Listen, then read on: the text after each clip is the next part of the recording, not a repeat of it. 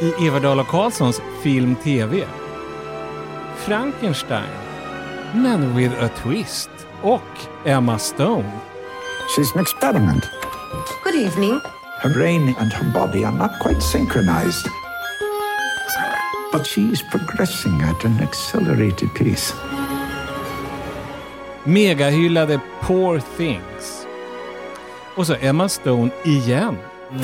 There's no such thing as a perfect city, but to me, this city is as close as it comes. That's why we're proud to call Espanola my home. Oh, shit. Our home. All right, you got it. I årets må dåligt-komedi, The Curse. Plus Ken Loachs sista strid. Minnesförlust i öknen.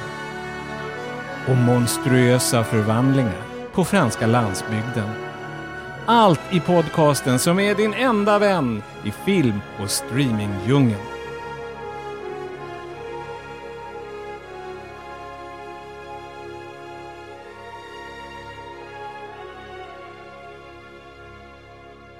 Hej allihop, välkomna till köksbordet i Vasastan i Stockholm och som vanligt sitter jag här, Göran Everdal och Johan Andreasson. Hej! Tjenare. Seger Karlsson. Hej.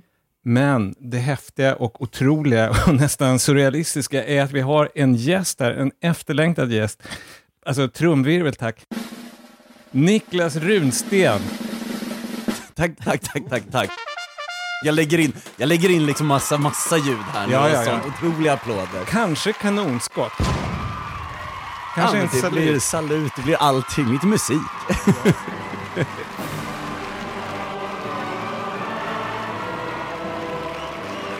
Nej, men, Tack, vad roligt att få vara här. Ja, men det är så sanslöst kul att du är här och jag tror att de flesta regelbundna lyssnare förstår varför. Därför att man hör ju ditt namn i varje program i slutet, redigerat av Niklas Runsten.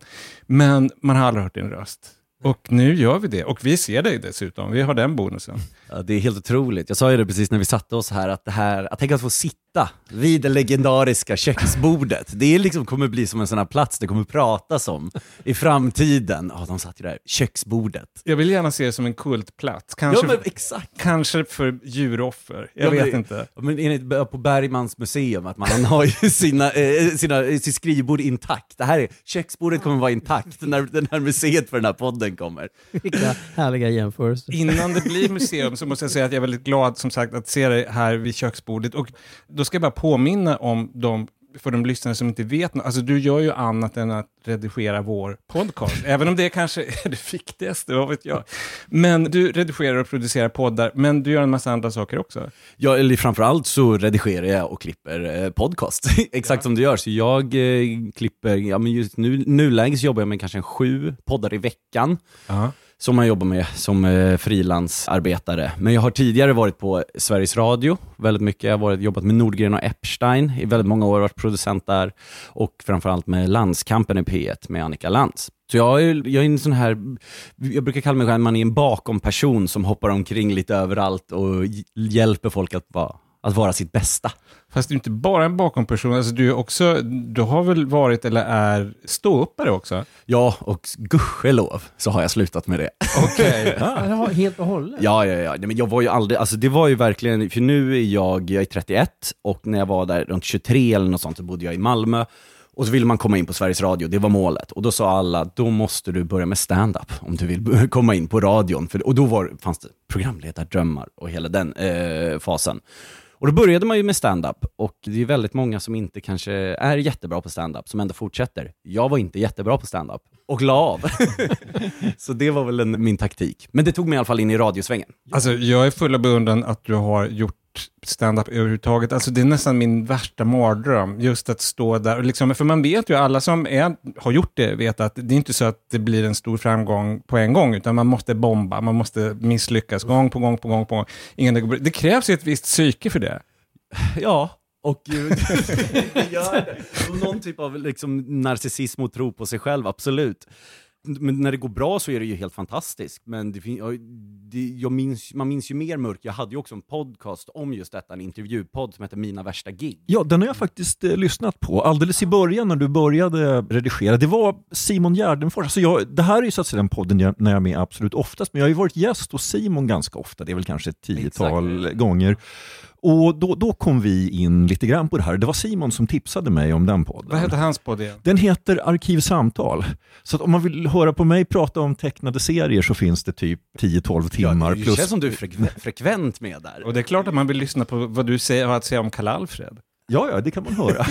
Men jag lyssnade faktiskt just idag, för jag lyssnade förut, när, vi precis hade börjat att jobba med dig och så här, så var jag också lite nyfiken, så lyssnade jag lite på din Mina värsta gig. Men sen idag när vi skulle ses igen, då kom jag på, just det, det kan ju vara kul, och då hittade jag att det fanns Dominic Hensel som, som vi är ytligt bekanta med och som jag tycker är en oerhört rolig person. Extremt kul karaktär. Så jag lyssnade på det på vägen hit och bara gick och garvade. Det var, det var ett väldigt... Det finns ju fortfarande Mina värsta gig och Dominic Hensel och du. Det är värt att lyssna på. Ja, vad roligt. Ja, den, för hela den podden bygger ju egentligen just på det vi eh, sa här med att eh, stand-up, det finns så mycket mörker där. Att här, de flesta, alltså, om man lyssnar mycket på poddar och komiker, det enda de säger då, Tack för igår Trollhättan, vad underbara ni var. Nästa vecka är jag i Mjölby och kör och allt kommer vara toppen. Och så sitter man backstage med de här komikerna och så sitter de och säger det var bedrövligt, det var fruktansvärt. Och så finns det någonting oftast väldigt kul i den gemenskapen. Och därifrån kom hela podden då. Nu ska vi lyfta det här när man har varit dålig, för det kan vara väldigt kul. Jo, nej, men i och med att folk som sysslar med humor, inte, inte alla, det finns de som bara är glada exhibitionister, men de flesta är ju kanske lite ledsna exhibitionister höll jag på att säga, men det finns, det finns som sagt ett mörker hos nästan alla som sysslar med humor, antingen det är ståuppare eller kåsörer eller vad som helst, så finns det den andra sidan också. Och då finns det någonting extra liksom jobbigt att utsätta sig för andra, sina medmänniskors bedömning på det sättet. Jag, jag, jag är full av beundran för Ja, er som alltså- faktiskt har gjort det. Jag tror att alla vi, alltså det här, man pratar ju om det här ibland med olika kompisar och folk som faktiskt gör grejer offentliga, alltså sådär, kanske i tv eller radio och allting. Men alla har det gemensamt att man, tar man upp det här med att stå upp, då säger alla aldrig. Alltså just, jag, skulle, jag kan inte tänka mig något läskigare och, och så känner faktiskt jag. jag. Bara när jag gick och lyssnade på det här idag och Dominik berättade om några av de här tillfällena när han hade haft dåliga Alltså jag får liksom nästan ont i magen av att bara fantisera om hur det ska vara. Ja, nej, det, det enda som jag tror kan vara värre, det är om man ska vara rolig på en gala. För, då är man, för det, är oftast fel forum eller Ja, något sånt. Och framförallt så är det typ, alltså, typ en sån Kristallengala när man gör det Mm. inför hela branschen som sitter där. Det är ju liksom det värsta typ av gig man kan få. snåla, ofta nervösa. Många sitter där och liksom vet inte om de ska få ett pris eller ej. Alltså de är inte redo för vitsar. Och hälften kanske ville vara den som står där uppe. För alltså, det finns säkert någon typ av otrolig avundsjuka. Men ja, nej, det var, det, men den podden, det som jag också är väldigt stolt över med den podden, att jag la ner den när den var på topp. Det var ju en intervjupodd, jag gjorde ändå 72 avsnitt. Det finns inte så mycket komiker här i Sverige, så valde jag liksom, istället för att den skulle mjölkas ut och man får lite sämre komiker, förlåt ni som inte var med, men så. Men du, då måste jag ju naturligtvis säga med tanke på att vi har gjort 164 avsnitt. Ja. Du kanske tycker att vi borde liksom ha den goda smaken. Ni är de smarta. Eftersom du slutade efter 70. Nej men vadå, jag tycker inte ni har to- nått toppen än. Det där var att gå med hoven. Det är, jag, Rätt vill, svar. jag vill bara säga det att jag vet att det där var att gå med hoven. Ska jag säga, en, en skillnad om man ska vara så här tråkig och se på, något som jag alltid har gillat med att skriva om film, och, och det har inte bara med podden att göra, det har att göra med när man gör det i tidning och sånt där också, är att det är självgenererande. För det kommer hela tiden nya filmer på ett sätt som det inte riktigt kommer lika många nya stand-up-komiker, till exempel. Ja men exakt, så det är ju verkligen, ni har ju en, vad säger man, det är bara, tar aldrig slut, kommer ju komma helt nya. Du, jag har en fråga. Alltså det, först och främst vill jag bara tacka för ditt, för ditt goda och jämna humör. Därför att jag är ofta väldigt sen.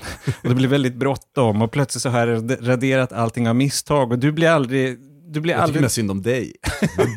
Ja, jo, men det är rätt synd om mig, ärligt talat. På så många sätt. Men dels det att du har det här jämna humöret, men jag måste också fråga, finns det någonting för det har, det har vi aldrig pratat om. Vi, det är ju ofta, väl, som sagt, rätt bråttom som man är praktisk när du och jag smsar och håller på. Men finns det något återkommande i våra program som du vet att du alltid måste åtgärda? Att det liksom, ja men det här får jag, någon som hummar eller harklar sig eller någonting. någonting. Nej men du, är ju- det kan man ju säga, jag vet inte, kanske, jag vet inte vad lyssnarna känner om det, men att du, för du förklipper ju och jag liksom redigerar så att allting låter eh, snyggt och bra. Så nej, jag skulle nog inte säga att det är någonting som du gör, an, eh, eh, du, nej, det tycker jag verkligen inte. Du är duktig Göran, det är det jag försöker säga. Tack. Ja, ja. Nej, men alltså, han, det tycker ju faktiskt även Ja, Johan och jo då. jag. För vi Ja. vet ju hur det låter under inspelningarna. För det kommer man ihåg vissa sådana här, det är ju rätt mycket så här... Uh, uh, uh, Ja, just liksom. sånt där som namn och titlar Ja. och sånt där. Och så, ja, precis jag- som i, ja den där, ö, ö, får jag googla? Precis. Ja, men det är det som är hemskt, det här får vi inte berätta för lyssnarna. Nej, nej, nej, nej. Ni ska låta perfekt från start. Det är det som är vår klippares jobb. När vi har framträtt ibland inför levande publik, så får jag säga att de är lika tålmodiga som du, därför att då låter vi ju faktiskt som vi gör på riktigt. Det går inte att redigera, utan då sitter vi där och hummar. Men vi är i och för sig lite spända, vilket är bra i det fallet, därför att vi kanske inte är precis lika mycket. Men jag ska säga att väldigt snällt att du säger att jag är duktig, men vad jag är är ju fåfäng och neurotisk. Alltså, jag vill inte att det ska låta som vi låter på riktigt. Det får inte hända. Det, och det tycker inte jag. Alltså, liksom jag som jobbar med massa olika poddar, att många tror ju att om man är eh, en klippare för en podd, att man bara är liksom en ljudtekniker. Bara, Du lägger väl in vinjetterna, så gör man inget mer. Men det är ju, gud nu kommer jag låta präktig, men att det är ju en konstform att få människor att låta bättre utifrån det råmaterialet man har. Och det är ju som är eh, till stor del mitt jobb och så du även gör då Göran. Så det ska, i, lyssnarna ska veta att det finns jobb bakom varje podd. Ja, mer än vad man tror, i synnerhet om man hummar så mycket som vi tre gör. så är det liksom en. Jag, jag har lekt med tanken att någon gång sätta ihop ett avsnitt med bara våra hummanden. Men Mm, fortsätt lek. Patreon exklusivt. Fortsätt lek, säger jag. Men det blir en sån här sova, sova-podd, att man kan somna till era hummanden. Tre timmar hum. Men nu känner jag att det här är ju kommersiellt. Ja, det finns här, det. det, här är, ju- det här borde vi mjölka. I alla fall, eh, vad kul att du kom Niklas. Eh, och du kanske vill komma tillbaka och prata om någon filmklassiker eller någonting? Ja, det känner jag verkligen att jag eh, vill göra. Vi jobbar vidare på detta. Mm. Men nu är det dags att prata film.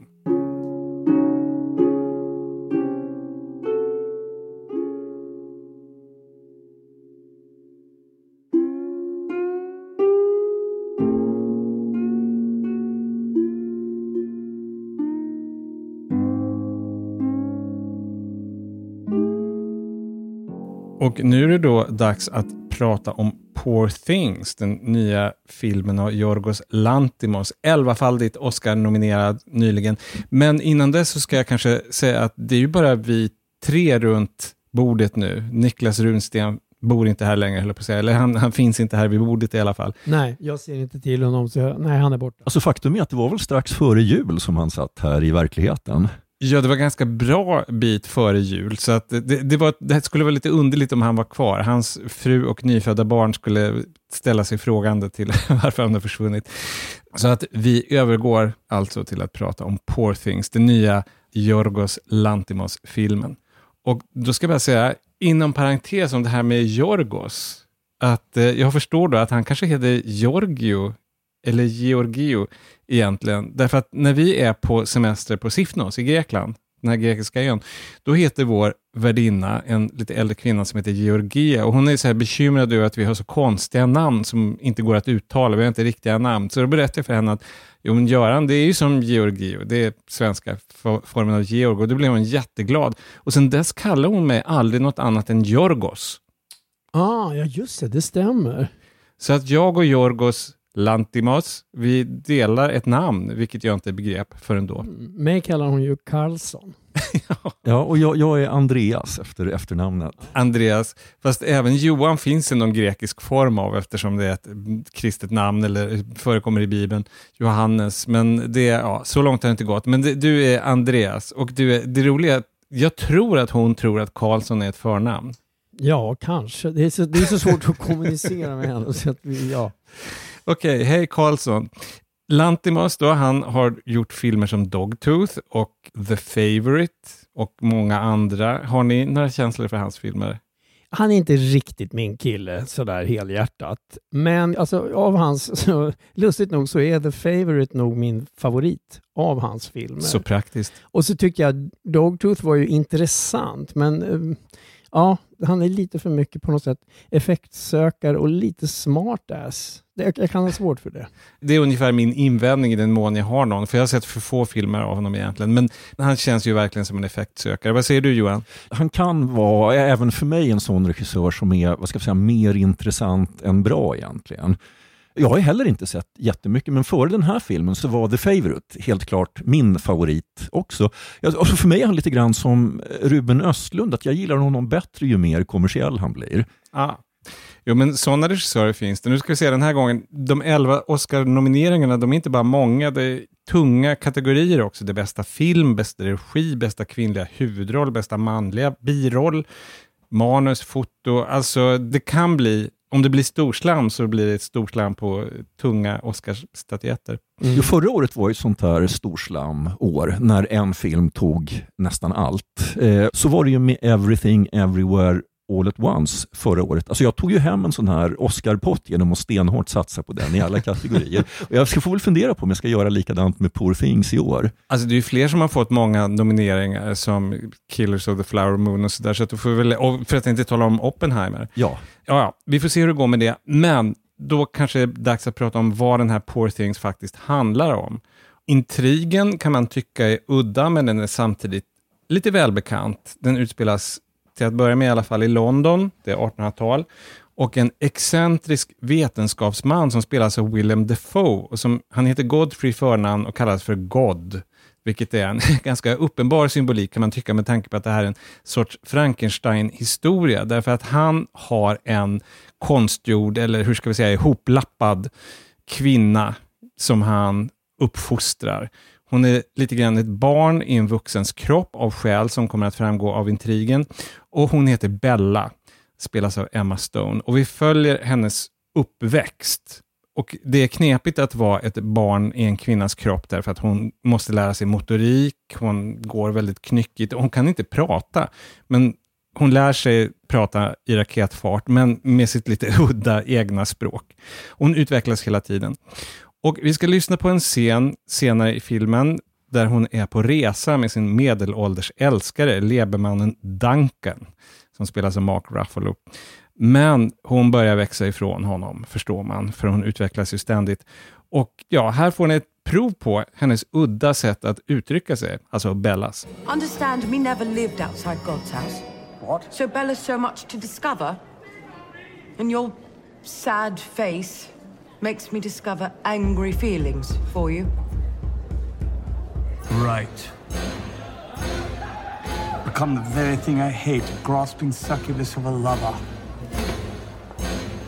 Tried many of them off me, now I'm it. Fuck.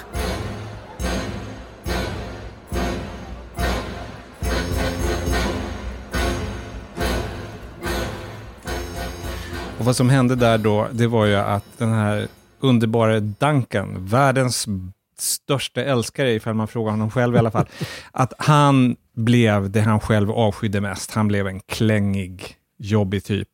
Eh, helt enkelt, han blev kvinnan i förhållandet som han såg det och det var jobbigt för honom. Medan då Bella, typ, och det ser man ju inte när man hör det här, men man hörde musiken, att det fanns en orkester på den här restaurangen och hon upptäcker ju allting för första gången så att nu inser hon att hon måste dansa. Och det som är kul med när man tittar på orkestern är att den spelar väldigt underliga instrument och den är delvis, om jag minns, alltså den är lite ångdriven. Därför att det här, det här utspelar sig i någon slags alternativt 1800-tal, så här lite steampunk som det kallas. och det ser man ju inte bara på de här märkliga musikinstrumenten. Det är en hel del väldigt märkliga farkoster och hus och sånt där också som andas. Och lite rör i bakgrunden, så jag, jag antar att det ska bygga på någon slags tryckluft eller ånga som utnyttjas på. Det är lite, inte bara på det sättet, alltså jag tänker rätt mycket på Elefantmannen, alltså David Lynchs gamla film som bygger på verklighetsbakgrund då, till skillnad från det här. Men det finns mycket gemensamt, inklusive de här scenerna på kallar kallas för operationsteater, där en akademiker demonstrerar operationer för en publik bestående av studenter och visar hur storhetsvansinnig och galen han är. Det, det våras för Frankenstein har en minnesvärd sån scen också. Alltså det här är ju verkligen en film som får en att tänka på många andra filmer. Alltså en så lite lustig grej för mig var att jag tänkte en hel del på filmen som vi har hämtat vår signaturmusik till, alltså Now Voyager med Betty Davis. Under nya stjärnor. Under nya stjärnor, ja, på svenska. Det handlar ju om en väldigt hårt kontrollerad ung kvinna. Och så, det är också någonting med hela Emma Stones uppenbarelse, alltså blicken och de här väldigt kraftiga ögonbrynen. och att hon då ger sig ut på en resa där hon liksom upptäcker allt och förverkligar sig själv. Ja, det är en kryssning. Ja, så det är väldigt mycket Hollywood-melodram över det på något sätt. Vad lustigt, jag tänkte på mycket annat. Jag tänkte att det var som ett Dockhem 2, den här barnkvinnan som slår sig lös och sen får man ju inte veta hur det går för henne i pjäsen, men det får man här.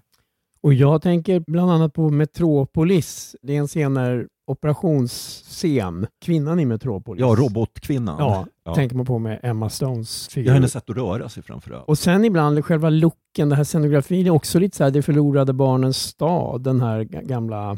Som också är Franska. lite steampunk-aktig, Ja. som kom efter delikatessen men före Amelie från Montmartre. Ja, exakt. Så det är mycket man kan tänka på. Och det tror jag att Lantimos också har gjort. Han tar fram liksom leksakslådan och har tittat på sina favoritfilmer och sina favoritberättelser. Men finns det någonting, och det är så uppenbart så att man nästan inte behöver säga det, så är det naturligtvis Frank... Nu pratar jag inte om Det våras för Frankenstein, utan original Frankenstein och Frankensteins brud är allestädes närvarande på många sätt. Och även Mary Shelleys Frankenstein, alltså boken som kanske inte är allom välbekant, men jag, jag läste den och pratade om den i P1 i Kulturradion för länge sedan. Och monstret i Mary Shelleys bok är ju väldigt mycket mer, eller han blir mycket mer intellektuell än monstret i filmerna. Han läser just filosofi, precis som Bella gör i filmen och engagerar sig i sånt. Och både Frankensteins utvecklingshistoria och Bellas är ju så här lite, ja det är ju fransk upplysning. Vad, vad heter han, Rousseau?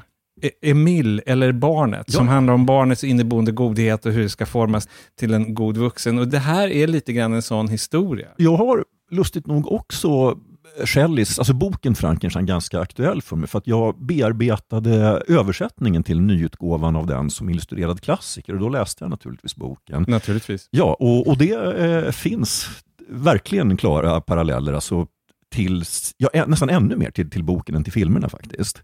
Och samtidigt så finns den här lekfullheten. En, en sak som är väldigt svår att motstå, nu har jag pratat om att jag lite grann som er kan tycka att ja, men Lantimos, han är en effektsökare och sådär.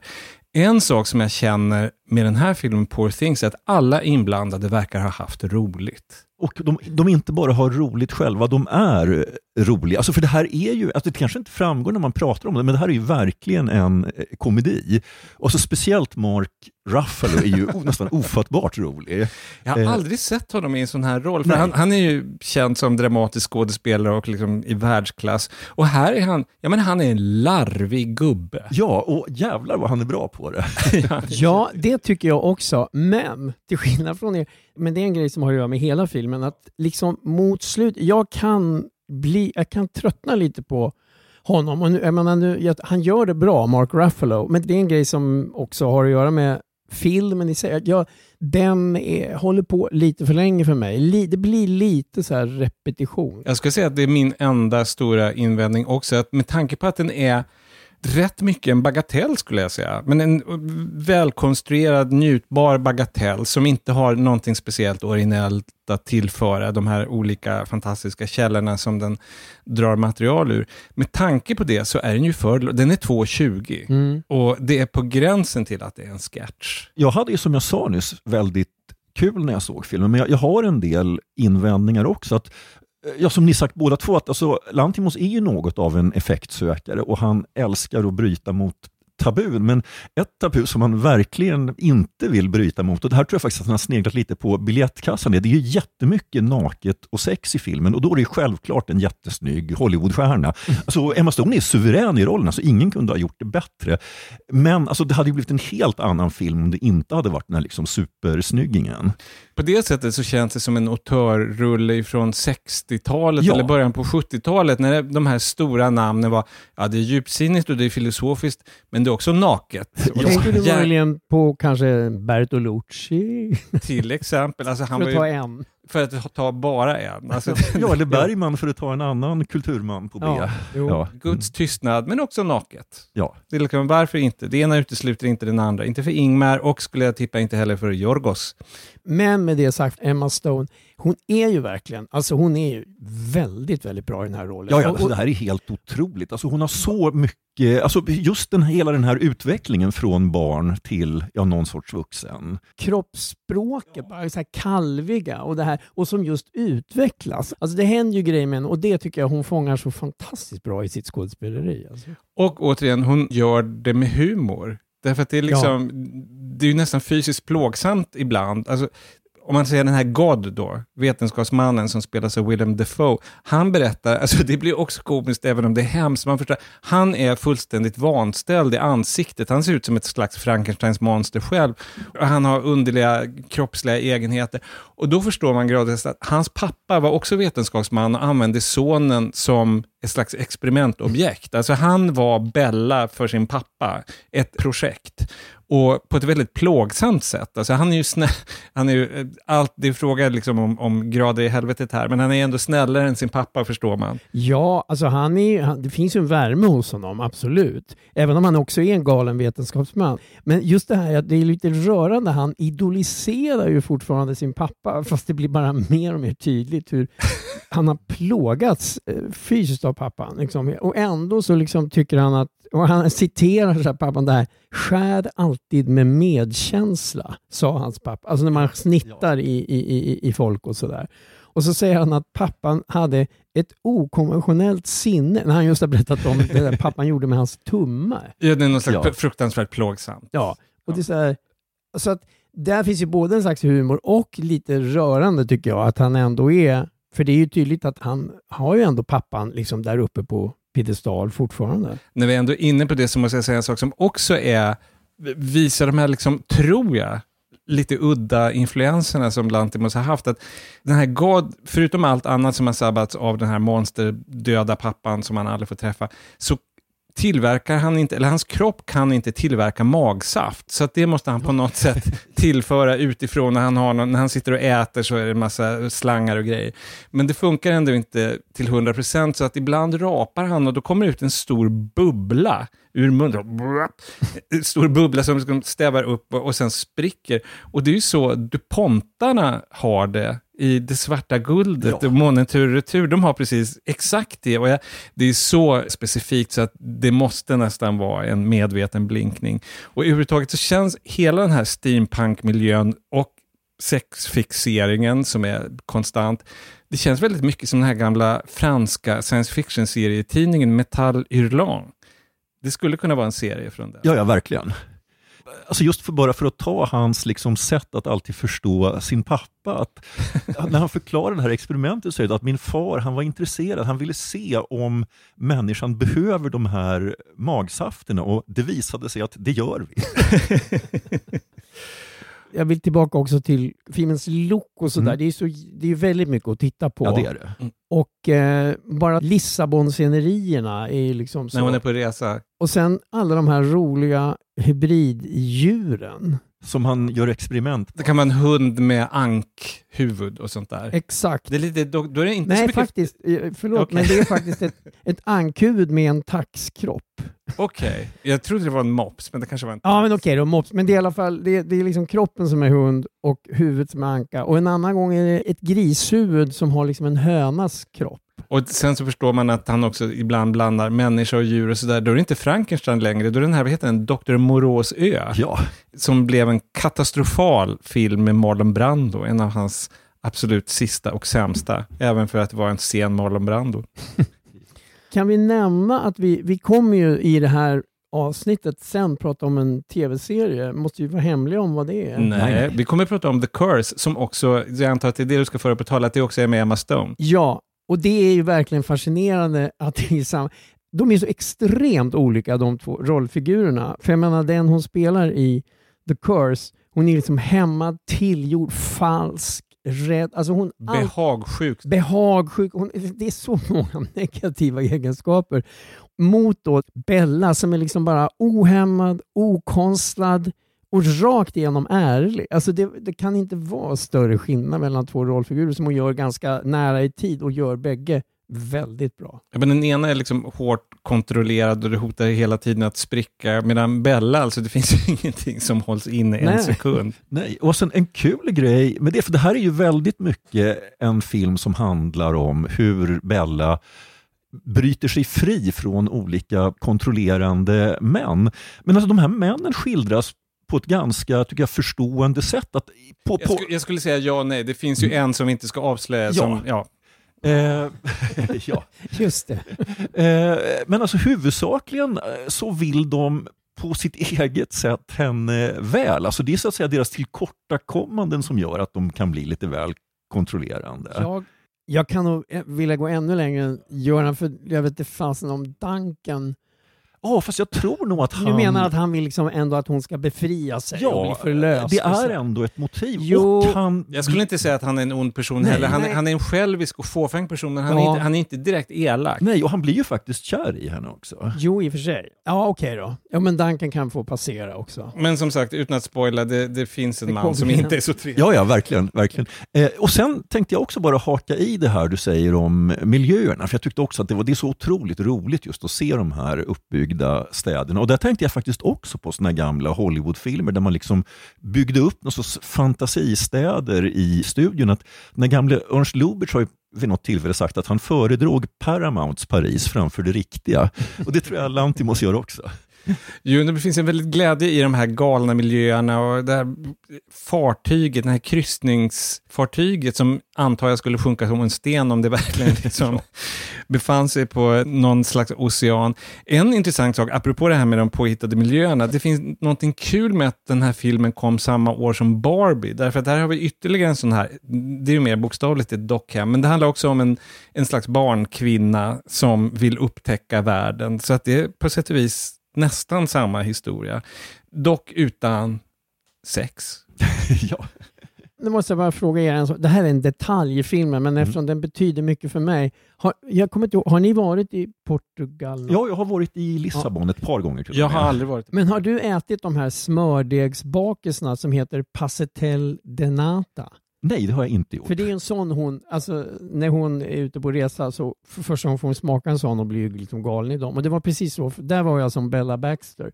Du åt så du kräktes. Ja, alltså när jag var, nej okej då, det glömde jag att hon gjorde.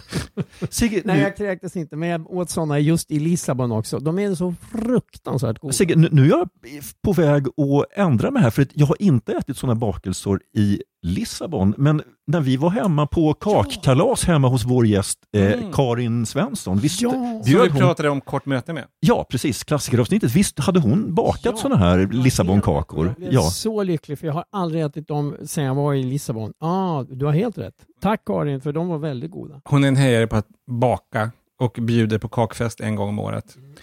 För de som inte har varit på kakfest hos Karin. Börjar vi närma oss ett betyg. Det kan vi göra. Då frågar jag dig, Seger Karlsson, vad får Poor Things för betyg av dig? Ja, nu somnar snart alla när jag ska ännu en gång säga hur svårt det är för mig ibland mellan stark 3 och svag 4. Ah, Och det här var precis ett sånt, men det blir en svag 4. och från mig blir det också en fyra. Men vad blir det från Johan? Också en fyra. Enig. Totalbetyget blir föga överraskande. Fyra till Poor Things och nu är det dags för ännu mer Emma Stone för vi ska prata TV.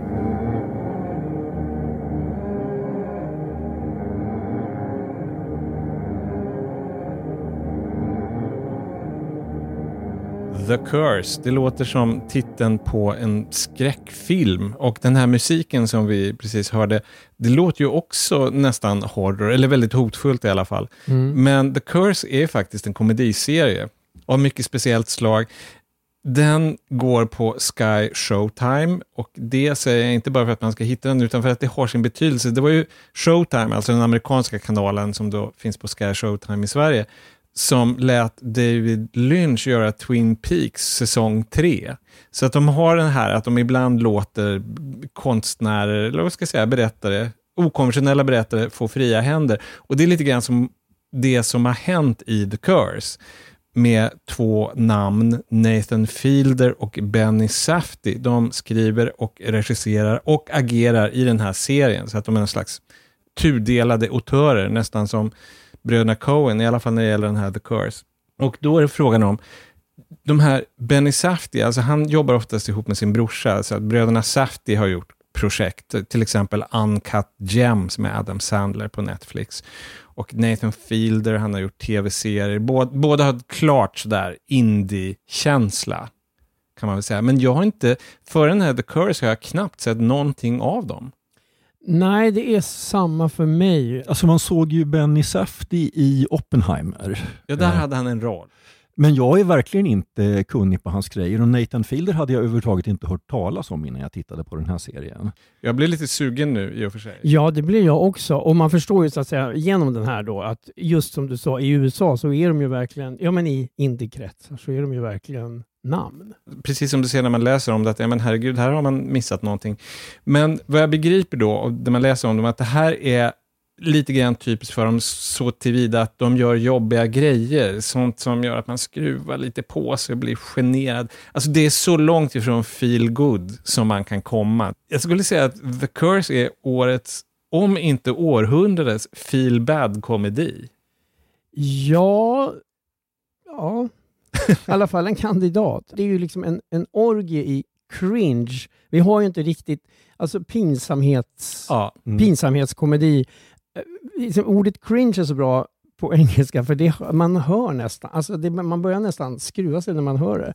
Pinsamhet är inte riktigt lika... Det finns ju traditioner, det finns, jag menar alla har sett The Office och alla har sett Curb Your Enthusiasm, Simma Lugn Larry. Men jag ska säga att en skillnad, för jag har verkligen funderat på varför mår jag så mycket sämre, fast på ett bra sätt i mitt fall, när jag ser The Curse än de andra två. Därför att den här David Brent i The Office, alltså Ricky Gervais-figuren, och även Larry David i Simma Lugnt Larry, de är på något sätt Kalle Anka-figurer. Alltså de är osårbara i sin aggression. De är liksom vatten på en gås. De påverkas inte av alla de här konflikterna som de påbörjar.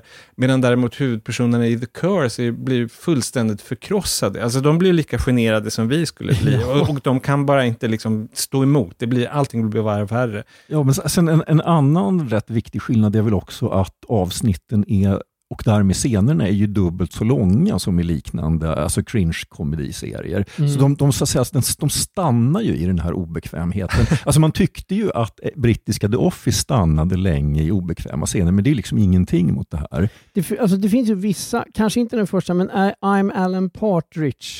Serien, där finns, i någon senare säsonger så finns det ibland när det är sådär riktigt, riktigt jobb. Alltså när han, har blivit, när han inte längre har tv-showen utan han sitter i någon När han är lite närmare Tre- verkliga världen. Ja, och där kan det också dras ut lite på så här. Men han är å andra sidan också lite en kalanka figur precis som du sa om Larry David och jo, David, Brent. Brent. Alan Partridge då, som skapad och spelad av Steve Cogan, ska vi säga, också en stor i den här pinsamhetsbranschen. Ja, ja, Verkligen. Grossist.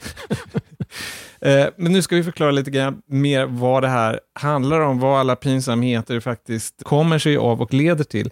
Det finns tre huvudroller, två spelas då av Nathan Fielder och Benny Safdie och den tredje av Emma Stone som utlovat. Hon har väl på sätt och vis en av de två huvudrollerna och så har Benny Safdie en biroll. Så att Emma Stone och Nathan Fielder, de spelar Whitney och Asher. De är nygifta världsförbättrare, kan man väl sammanfatta läget. De är välbärgade, de är inte stenrika, men det finns ärvda pengar där och de vill använda de här pengarna till att förbättra sin närmiljö, för de är väldigt lokala. De är alla sådana här kodord för liberala, vänster, schyssta typer.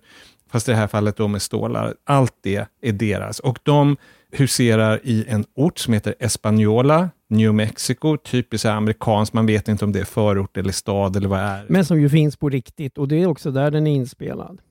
Och i denna Española så säljer de något som heter passiva hem, som jag inte vet om det finns på Jo, riktigt. ja, jag Fin- googlade. ja, ja, det finns på riktigt det också. Det, är det inte från början tyskt? Ja, det stämmer. Man, man hamnar till slut på en tysk eh, hemsida. Så det är någon sorts, eh, säger man klimatneutrala? Eller, alltså, de ska i alla fall inte ge något fotavtryck om nu ett hus kan ge ett fotavtryck. Oerhört miljövänliga hus. Det är så miljövänligt så att det nästan blir någon slags kult eller religion. Och det är också jobbigt därför att de säljer de här husen och sen så börjar ju folk peta i dem och gillar inte spisen och vill ha luftkonditionering och sådär. Det är en källa till ständiga konflikter. Och det här när de säljer de här husen så vill de också göra en realityserie om detta. De vill sprida det glada budskapet, propagera för de här passiva husen, passiva hemmen. Och Det här är ju då en genre som existerar i reality och dokusåpor. Folk som säljer och köper hus. Det kan handla om fastighetsmäklare eller nygifta som behöver hus, vad som helst. Genren kallas för house flipping. Man säljer och köper hus. Så att den här showen ska då heta Fliplanthropy. Just som är en blandning mellan flipping och filantropi.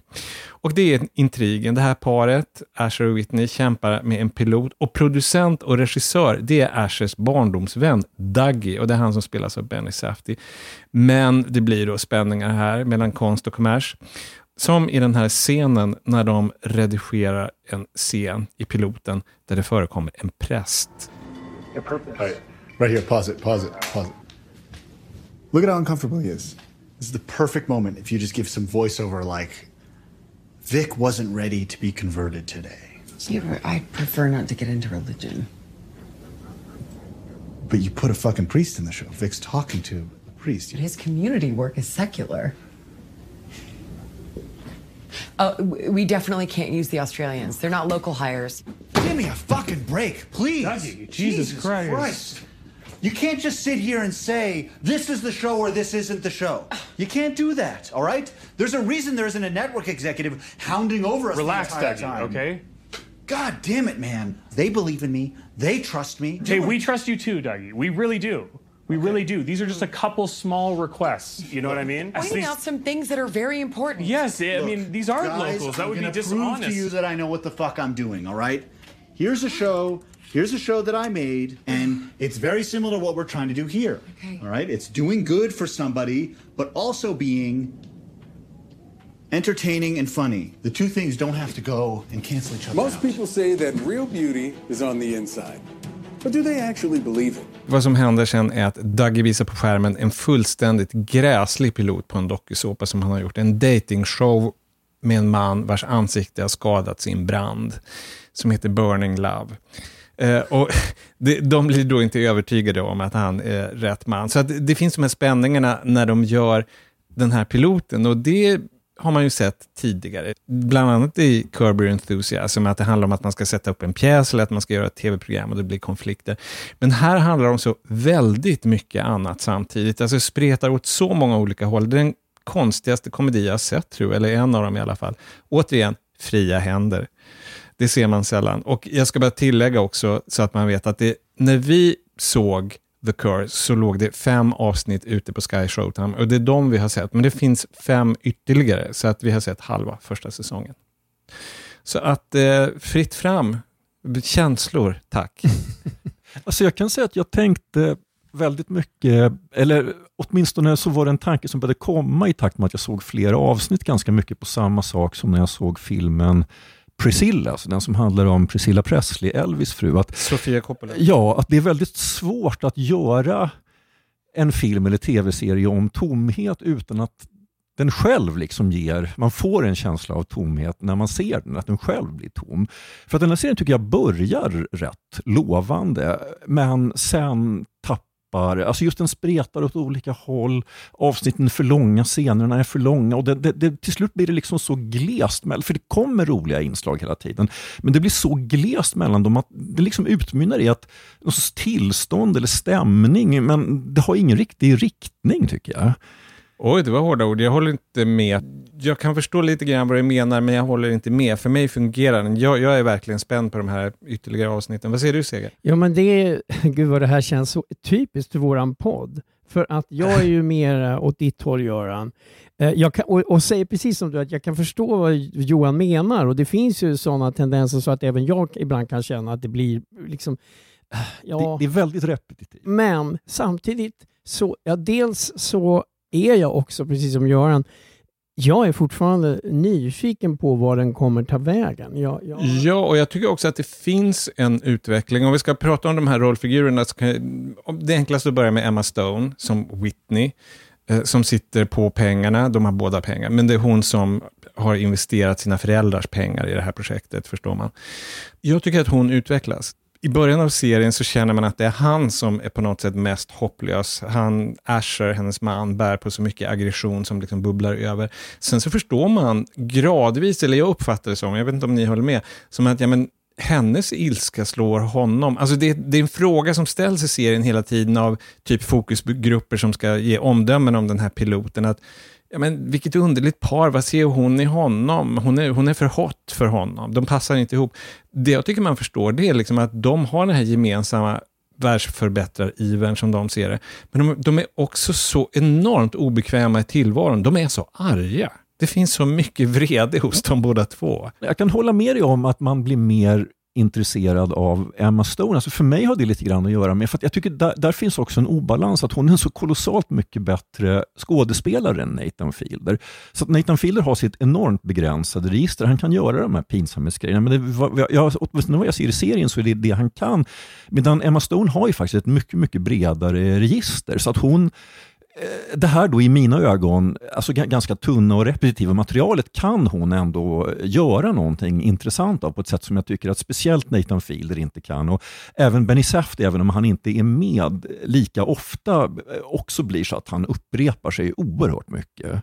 Fast hon, alltså han är så fortfarande så nyfiken på, alltså den figuren, Dogie, producenten, eh, som Benny Safdie spelar. Jag tycker att jag vet inte om du kanske redan har, har honom solklart för dig, men det, det har inte jag. Nej, jag... alltså han blir mycket mer komplicerad också ja. med tiden. Men det kanske, jag vet inte, du känner mer sig, ja men det bryr jag mig inte om. För du, eller... Ja, alltså problemet för mig är att jag tappade helt enkelt engagemanget efter ett okay. tag. Och, och, lite grann, alltså jag, det var inte så att det var jobbigt att liksom ta sig igenom det på något sätt. För det, det är välgjort, det kommer hela tiden kul grejer.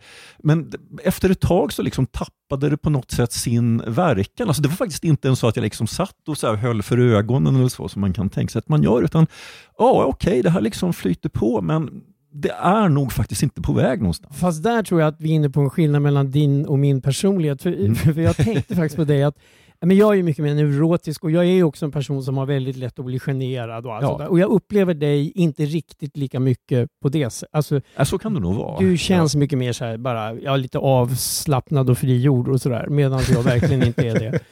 Eh, och Just det, avslappnad och frigjord, det är inte otvetydigt positiva egenskaper när du uttalar dem sådär. jo, men, men, mm. nej men alltså helt enkelt, Johan känns mindre, vi ska inte bara, det här är ju en terapisession, jag tror helt enkelt att du är mindre neurotisk än jag.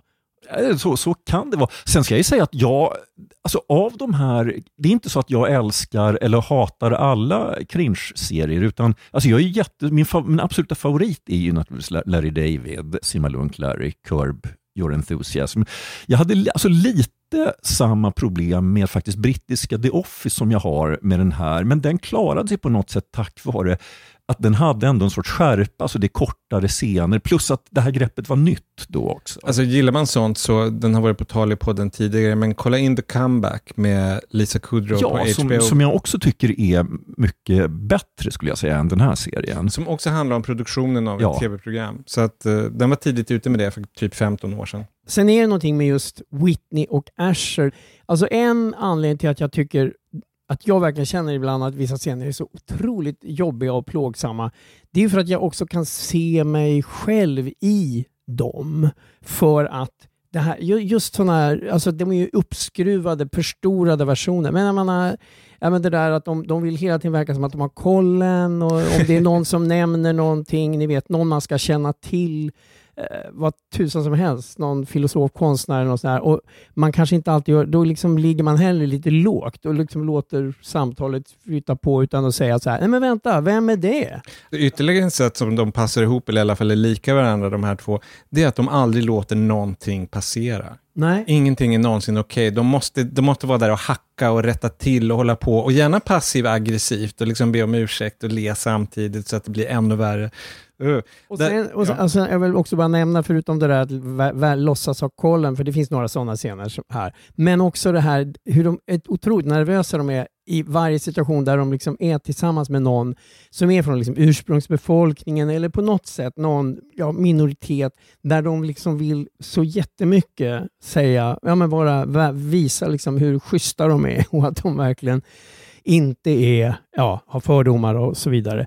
Och det där kan jag på ett pinsamt sätt också känna igen ibland i livet. När man liksom så lite överdriver det här trevliga liksom, i sådana situationer. Ja, men säg, alltså när vi pratar om så att säga, skillnaden mellan oss och våra ingångar till det här så kan det inte också vara så att alltså, ni två faktiskt är ju mycket mer media-insiders än vad jag är. Alltså, jag har ju inte liksom intervjuat filmstjärnor för Veckorevyn. Alltså, jag, jag har inte varit med liksom, i sådana situationer där man kanske liksom förväntas bete sig lite grann som de här Ja, gör förstår jag. ibland. Först tänkte jag, men vad har det med det här? Ja, du menar sån där att man, som vi pratade om innan vi spelade in. Ja, Menar just du- det. Ja. Då kan vi bara säga det, att vi, Mm. vi, pra, vi kom in på det här med när man ibland hör sina egna intervjuer i efter att man spelar in kanske på bandspelare. Och så hör man Bara för att skriva ut, inte för, för att, skri- nej, men för att skriva ut en artikel. Och då när man hör dem, och det här har jag pratat med många kollegor om, så blir man, man sitter där i bandspelaren och blir rågenerad. För att man liksom sitter där och skrattar åt den här då skådisens eller regissörens skämt. Man så lite överdrivet, man vill bara vara sådär omtyckt. Nu var det så länge sedan jag gjorde en sån intervju, men ofta i det läget så har man kanske på sin höjd, om man har tur, tio minuter på sig och måste skapa någon slags kontakt och då blir man, ja, då blir man genant. Och lite larvig. Då blir man lite Whitney. Gubben är lite larvig. Och det här är inte situationer man hamnar i när man till exempel illustrerar korsord eller gör sånt som jag gör. På bokförlag kan man vara otrevlig. Ut- Ja, ja verkligen. Ja, du har jobbat på Epix. Ja, ja. Jo, nej, men till skillnad från dig då, Johan, så tycker jag att Nathan Fielder är väldigt rolig som Asher. Och jag håller med om att hans slagnummer, det är ju när han har sina scener, till exempel det som har gett serien sitt namn, The Curse, förbannelsen. Det händer ju när han ska köpa, bara för att visa sig snäll framför kameran, så ska han köpa en vattenflaska som en ung flyktingtjej, eller barn till en flykting, säljer på en parkeringsplats. Men då har han naturligtvis bara en 100 dollars sedel som han sen tar tillbaka. Hey, hey.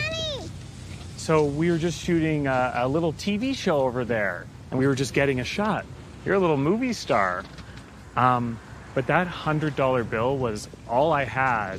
So how about you give it back to me, and I'll go get change, and I'll buy that whole six pack from you for twenty dollars. She's not giving back to you. You gave her the money. It's a done deal. Oh, come on, that's not fair. I'm gonna buy the whole it's six fair. pack. You, we do no I'm refunds. gonna buy the whole six. There's a sign. Is that your dad? Can, can you tell them I'm gonna buy a whole six pack? Can you tell them I'm gonna buy a whole the whole six pack here? Here. Give it back to It's her. okay. It's okay. Nej, jag fick ju den här. Nej, jag fick ju den där. Och sen så han vägrar, och då för, den här lilla flickan förbannar honom. You can't do that or I'll curse you. Yo, what?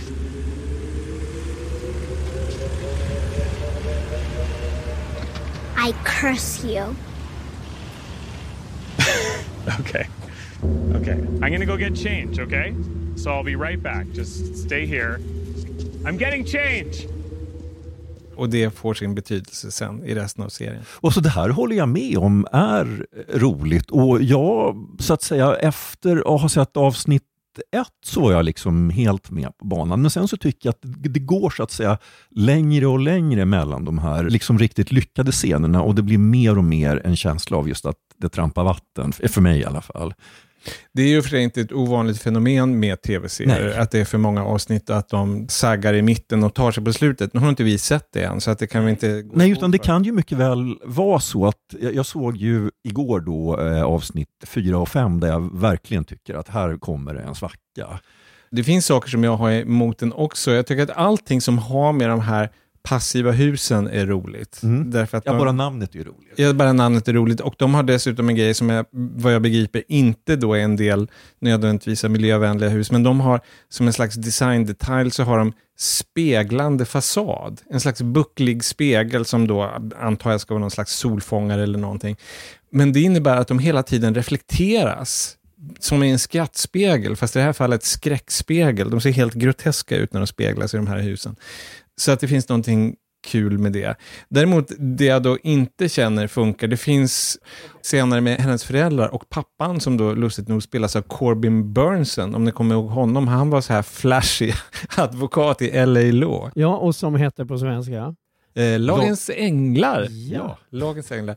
Han var fullständigt oigenkännlig. Jag hade inte fattat att det var han. Inte jag heller. Jag såg det efterhand att det var han. Jag, jag tänkte inte på det. Och då känner man igen honom, men det vill till att man vet det. I alla fall, det finns någon del av intrigen om att, jag vet inte, att han på något sätt pratar med sin svärson Asher om att båda har micropenis. Alltså de, det, det är väldigt mycket snoppprat som jag känner, vad leder det här till egentligen? Det känns så här lite ja, pubertalt.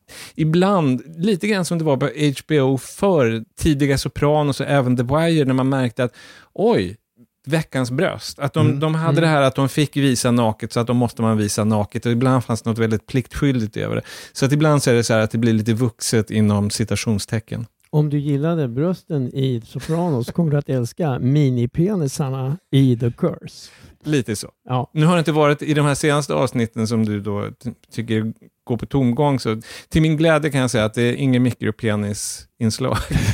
Men sen finns det ju återkommande sådana här, alltså jag tycker väldigt mycket om, det finns scener med en kvinnlig konstnär som heter Cara som, som Whitney vill liksom se sig som kompis med. Ja. Och alla scener när de tillsammans, man ser liksom bara i Caras blick, hon känner kanske inte riktigt samma sak. Och hon har ett sånt här konstprojekt som är så superflummigt. Man går in i ett tält och sen, jag kanske inte ska säga vad som händer i det där tältet, för det är rätt bisarrt. Gillar du inte konceptkonst, Seger? Ja, men det är rätt kul för där är både Whitney och Asher är där. De är så supernervösa att de liksom inte riktigt fattar själva eh, grejen, konst, ja, installationen eller Vi har alla varit där. Det tycker jag är så kul och så samtidigt är det någon sån här jätteallvarlig som är någon assistent till konstnären som säger när de kommer ut då vi ber dig att inte prata om din upplevelse i strukturen. Alltså strukturen är det här Ett litet tält. tältet. Ja. Och när Whitney vill höra, eller om det, det är någon av dem som vill höra vad den andra liksom, ja, vill prata om. Nej, Eh, jag vill liksom inte prata om det, för det har ju den här assistenten sagt. Alltså sådana där grejer tycker jag är kul helt enkelt. Alltså det går absolut att lyfta fram, alltså på fem teams långa avsnitt, ett antal väldigt roliga och, och träffande scener. Och, alltså mitt problem är så att säga allt det andra som liksom ligger mellan. Men alltså jag ska också säga att jag tror att de här grejerna som är riktigt kul och lyckade, min gissning är att de har väldigt koll liksom på de här alternativa och konstnärliga miljöerna. Att det kanske är grejer som de hämtar mer eller mindre rakt av från verkligheten, alltså utställningar de varit Och det skulle inte alls förvåna mig om det är så. Det påminner mig lite om den gamla underbara Miranda July-filmen Me and you and everyone we know. Ja. Ja. Kommer du ihåg den Underbar. Ja. Ja. Där. Ja, men skulle jag då säga också en mycket, mycket roligare film? Och den kändes också självupplevd. Alltså, Ja, ja, verkligen. Verkligen. Ja. Ja. Okej, ska vi sammanfatta läget? Jag och Sege är med på noterna, det är inte du. Nej, alltså jag har nog sett klart tror jag faktiskt, även om det så småningom släpps. Oj, jag kommer att kasta mig över de nya. Däremot skulle jag säga att jag kan som sagt förstå om det här inte är allas kopp te, men jag tycker att man ska se åtminstone piloten. Jag menar, om man överger den sen så vet man rätt mycket. Alltså, det, det, sen så är det variationer på ett tema, det kan jag hålla med om. Men om man inte gillar piloten så gillar man ju definitivt inte serien, så att, då kan man överge den snabbt. Absolut, och då kan man kontakta Johan och åka över till Johan och kanske ni kan titta på en John Ford-film. Eller Ja, ja men gärna. Vilken bra idé. Ja. Fort Ja. Apache. Ja. Se er som inbjudna om ni alltså hoppar av att titta på The Curse. Och nu är det dags för sista rundan.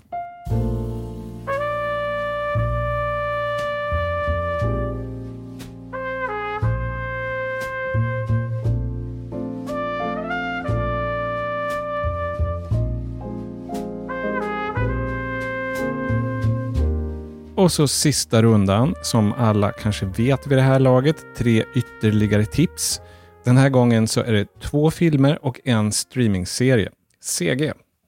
Jag ska prata om The Old Oak. Precis som eh, Poor Things har premiär den här veckan, biopremiär. Och det är Ken Loach och hans parhäst på manus, Paul Laverty, som har totat ihop den. Och nu spelas 2016 i en gruvstad i nordöstra England. Kolgruvan är nedlagd, det är arbetslöshet och misär och dit anländer syriska flyktingar och då förstår vi ju alla att det blir konflikt. Många ortsbor är upprörda över de här främlingarna och att de får hjälp med vissa saker. Och särskilt gänget med gamla gruvarbetare som är stammisar på den pub som har gett filmen sin titel. Alltså, En skön samling. Vi, vi, både jag och Johan har också sett filmen. Och, och just det här liksom ljugarbänken på puben. Alltså Ja. vilka typer. Bye bye. Okay, bye now. What's a fucking brass neck? I thought he couldn't come into the pubs where they sold alcohol. Oh man, they get up to all sorts when nobody's looking. I learned that when I used to work out there, She marched in here as if she owns the place. What next? Hmm. Building the mosque. skön samling, men ibland en oskön samling också. En, eh, ja, alltså de, de är sköna karaktärer. De har de här ansiktena, men de är också typ rasister. Men alltså just den här känslan av äkthet är ju Ken Loach verkligen stora styrka. Alltså oavsett vad man tycker om hans filmer i övrigt, för mig kan de vara lite upp och ner, men alltså det är ju alltid helt suveränt att se hur han hittar de här typerna. Och den här puben då, den drivs av TJ som till skillnad från de här upprörda stammisarna så engagerar han sig i flyktingarnas situation. Och han spelas av en snubbe som heter Dave Turner. Och det här är liksom lite, han är alltså en före detta brandman som debuterade med en pytteroll i Jag, Daniel Blake. Ah. Och sen fick han en liten roll även i Sorry We Missed You. Men här får han alltså den ena huvudrollen. Och han är ju rakt igenom trovärdig. Ja, men han utstrålar någonting. Alltså det är inte så enkelt så att han bara är god, utan man förstår att han är en komplicerad person. Ja. Men han är verkligen, han har en känsla att ja, men han kämpar på, han gör sitt bästa. Och på det sättet är han ju en ganska typisk Ken Loach-gestalt. Men han gör det så bra, så trovärdigt. Och filmens andra huvudfigur heter Yara och hon, är, hon blir en slags ledarfigur i den här flyktinggruppen. Och hon spelas av en tjej som heter Ebla Mari. Hon är själv inte flykting men hon, hon är drusisk dramalärare i en liten stad vid Golanhöjderna som sedan jättelänge, så länge hon har levt, ockuperas av Israel. Men däremot alla som är i hennes, alltså Jaras familjemedlemmar i filmen, de är alla syriska flyktingar som bor i England. Så de verkligen, och amatörer såklart. Vi har ju redan varit inne på det, här är på många sätt en typisk Ken Loach-film på gott och ont. Alltså, På gott bland annat det här med miljöer och hur folk spelar så fantastiskt äkta och allting. Och den berör och den känns i hjärtat. Men den har ju också tendenser, tycker jag, till den där lite så här plakatbetonade retoriken som dyker upp hos Loach ibland. Jo, för att alltså, Ken Loach har ju alltid ett budskap med sina filmer och, och han kan lyckas mer eller mindre bra med att gestalta det. Och det här skulle jag säga är ett fall där det inte har funkat så bra, utan det, det blir just en lite predikande ibland. Ja, och det blir det här lustiga när det är sån här just grupp som de här på puben när de sitter och pratar. Då är det också så här lite att de ibland nästan väntar på, ja men nu pratar han och då är alla tysta och sen kommer hon och säger, alltså det är lite sådär vänta på sin, det, det, det känns... Fast de är ju amatörer, så att det Jag kanske har med vet. det att göra. Men, ja, ja. Men, men eh, Jag inser att jag retar mig mindre på det här plakatiga... jag vill inte gå så långt som retar, för jag, jag, jag gillar ju verkligen Ken Loach, men jag kan tycka att det är lite synd ibland att det blir lite osubtilt helt enkelt. Alltså för mig, jag tyckte så mycket om både Sorry We Missed You och Jag Daniel Blake. Och jag vet inte om den här riktigt lever upp till det, men jag tycker ändå att den är nästan där uppe och nosar. Av dem, jag vet att du tyckte, jag tyckte också om Daniel Blake, och så, men jag tyckte framförallt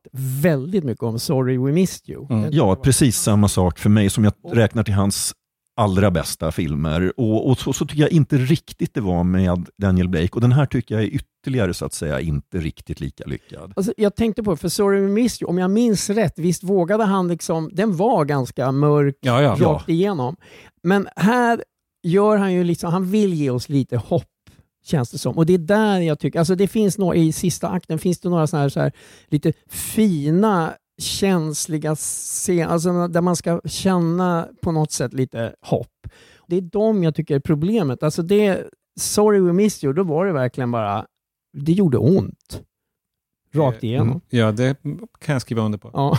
Men alltså med det sagt så tycker jag ändå liksom att den, den filmen har ju ändå ett otvivelaktigt liksom ett patos som för mig, det skär igenom Ja, de ja. här invändningarna jag har. Så att jag blir ändå engagerad. Ja, det är en sevärd film, absolut. Ja, det tycker jag. Ja. Jag tycker absolut att den är sevärd.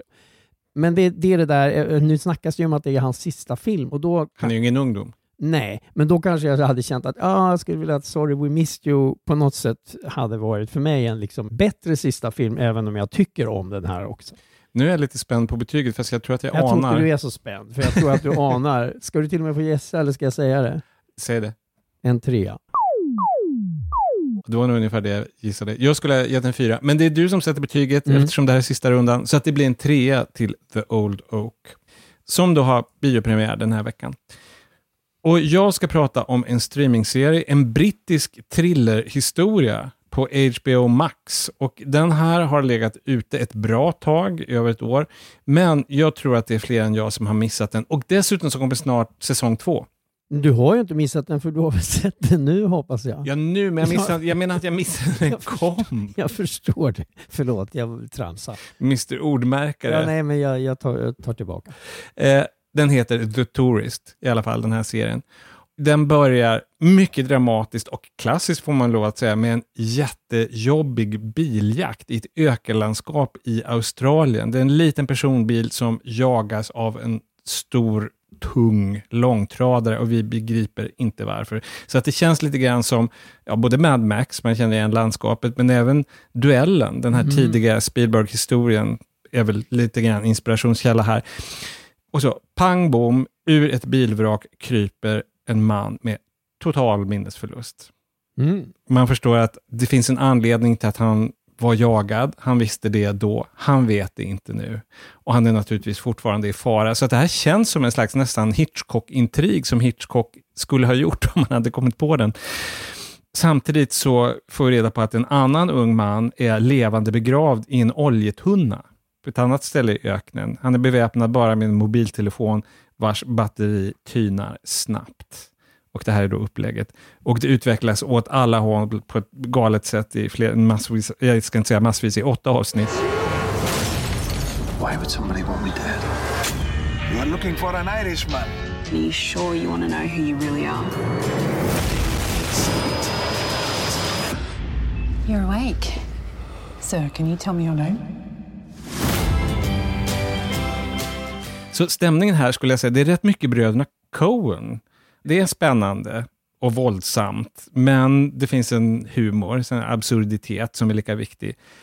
Men den har absolut, tror jag, inga djupare ambitioner än att roa, därför att hos bröderna Coen finns det ju alltid det här liksom resonemanget om skuld och sådär, för det mesta i alla fall. Både i filmen Fargo och tv-serien, som då gjordes av Noah Hawley, men ändå. Men den här The Tourist, den har sin egen ton. Alltså den är så våldsam, men det finns liksom en värme. Man är så van vid en kyla i den här typen av historier. Men till skillnad från de andra sådana här thrillerserier, så att när någon dör, och det är rätt många som dör, då, då har våldet följder. Alltså när människor försvinner så har de anhöriga. De blir saknade. Och det är så knäppt att man ska bli förvånad över att det skildras på det här sättet. Men det blir man idag. Därför att det är inte så... Vi har vant oss vid att thrillers funkar på ett annat sätt numera. Sen ska jag säga att huvudrollen då, den här namnlösa med minnesförlust, spelas av Jamie Dornan. Känner ni igen det namnet? Lite vagt, men jag, kan, jag får inget riktigt ansikte på honom. Han var ju senast pappan i Belfast, den här Kenneth Branagh-filmen. Ah, det är han, ja, ja. Det är han, och han var mördaren i The Fall, alltså tv-serien Mm. med Gillian Anderson, och han spelade också miljardär, jag höll på att säga fyra nyanser av brunt, men det är ju 40 shades of grey. Ah, den där liksom erotiska... Precis. Ah, Alltså är han, vadå, är han liksom snubben där som hon blir... Ja. Så att det är väl en stämpel han har kämpat en del för att bli av med. Men du, heter den inte, förlåt nu, heter den inte 50 shades of Grey? Jo, det gör den. 50 Ja. shades of... Ja. Jag var fortfarande... Jag var inne på fyror. Ja. Jag var inne på fyra nyanser av brunt. Vad bra att du rättade mig, så slipper lyssnarna göra det.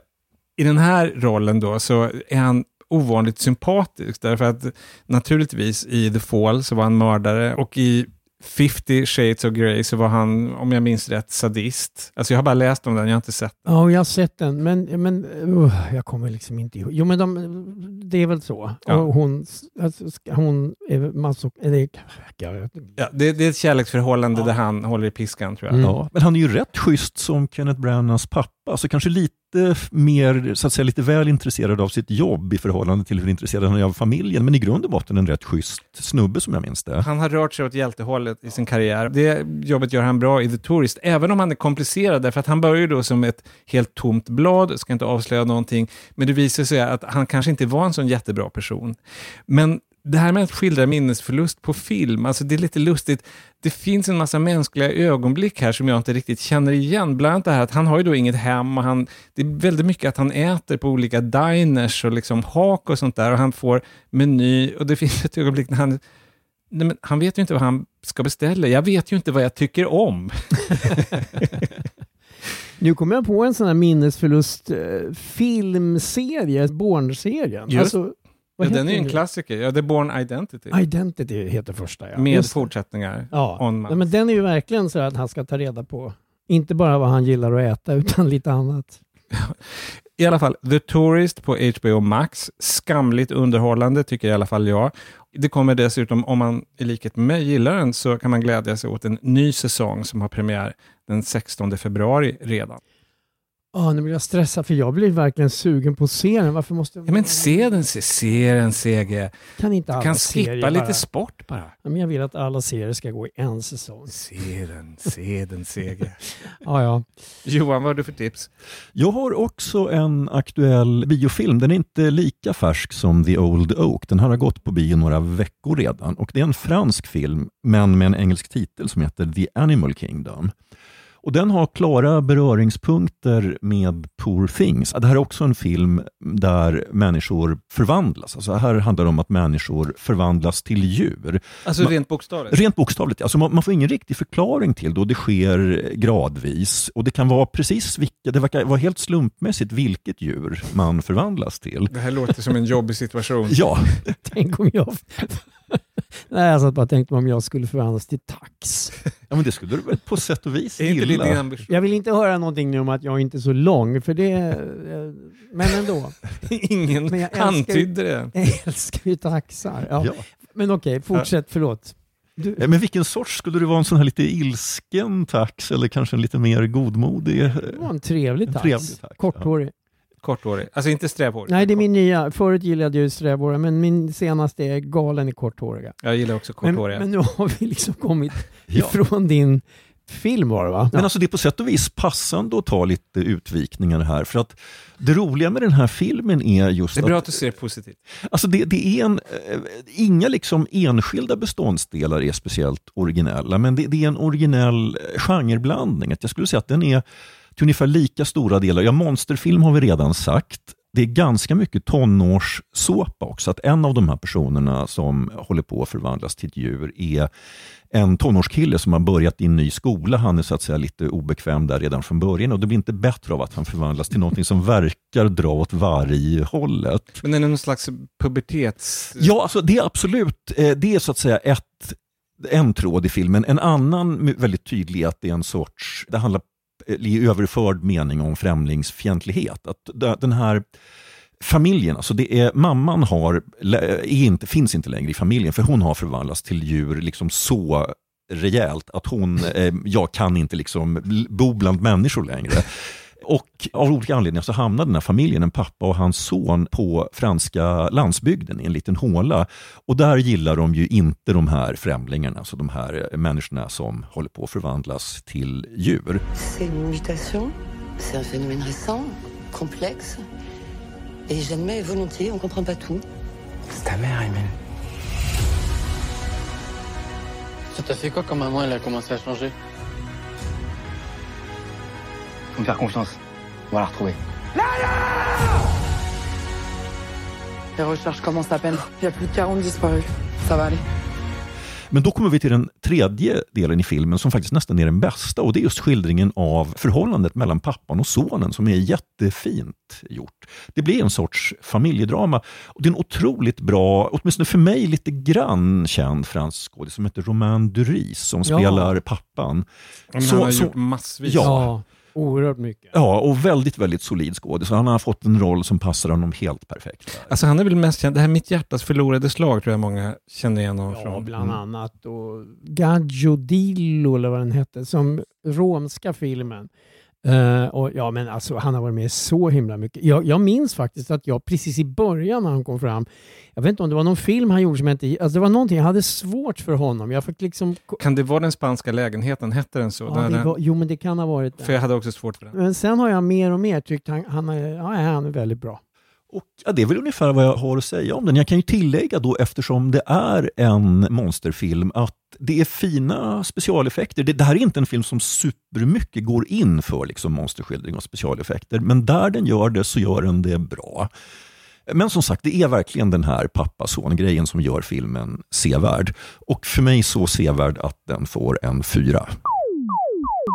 Så fyra till Animal Kingdom, fransk film med engelsk titel. Inte helt ovanligt, sånt förekommer. Då var vi färdiga att säga tack och hej för den här gången. Men jag tror att det var ett tag sedan som jag påminde om vår Facebook-sida.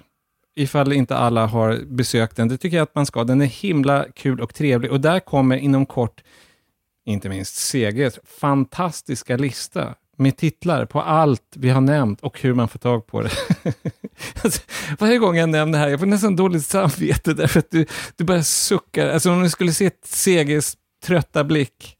Nej, men jag, hade, jag, jag lyckas på något sätt förtränga den och sen så påminner du mig ofta i slutet av ett avsnitt att ja, det är Ja, det som väntar. och när vi pratar om vår Facebook-sida så, och Sege så måste vi naturligtvis också nämna den fantastiska bilden på Sege som Gustav Vasa i något sorts bygdespel i Strängnäs för några år sedan. Och den ligger ju där av den anledningen att vi har ett rykande färskt Patreon-avsnitt. Vi pratar om Stockholm Bloodbath där Ja, som Dagens Nyheter, Fredrik Salin säger, “Where the fuck is Gustav Vasa?” Här vid köksbordet. Ja, Sitter men, han. men på Facebook-sidan kan vi se dig, där det är väl där pjäsen spelades någonstans utanför Strängnäs domkyrka. Så verkligen Ja. platsen där Gustav Vasa Ja, blev utsedd till kung. Men har inte vi någon gång lagt ut den där på vår Facebook? Jo då, vi, vi har gjort det förut, men... men vi har- kan inte lägga ut den för ofta, Nej. Seger. Det här kan inte vara sista gången. Precis som du sa då, Johan, det är naturligtvis vårt eh, Patreon-inslag, så att det är bara att klicka vidare dit och lyssna. Och de som är snälla och vill stödja vår podd med 35 kronor plus moms moms i månaden, det blir 45 totalt, får vår eviga tacksamhet. Och dessutom då extra inslag, inte bara den här recensionen av Stockholm Bloodbath, utan det kommer nya lite då och då. Vi, vi kan ju också vara lite tacksamma mot även ni andra som inte är Patreon. Man gör som man vill. Ja, ja, och jag menar vi är ju tacksamma att de lyssnar på programmet. För 17 det måste vi gubbar. väl ändå vara. Det är ju jättekul. Även om man då inte är Patreon-abonnent eller vad det heter. Vi är så glada över alla som lyssnar. Det är ju därför vi fortsätter. Ja. Kort sagt. Niklas Runsten redigerade. Niklas som vi pratade med i början av programmet. Men nu är det dags att faktiskt på riktigt säga hej då. Hej då. Hej då.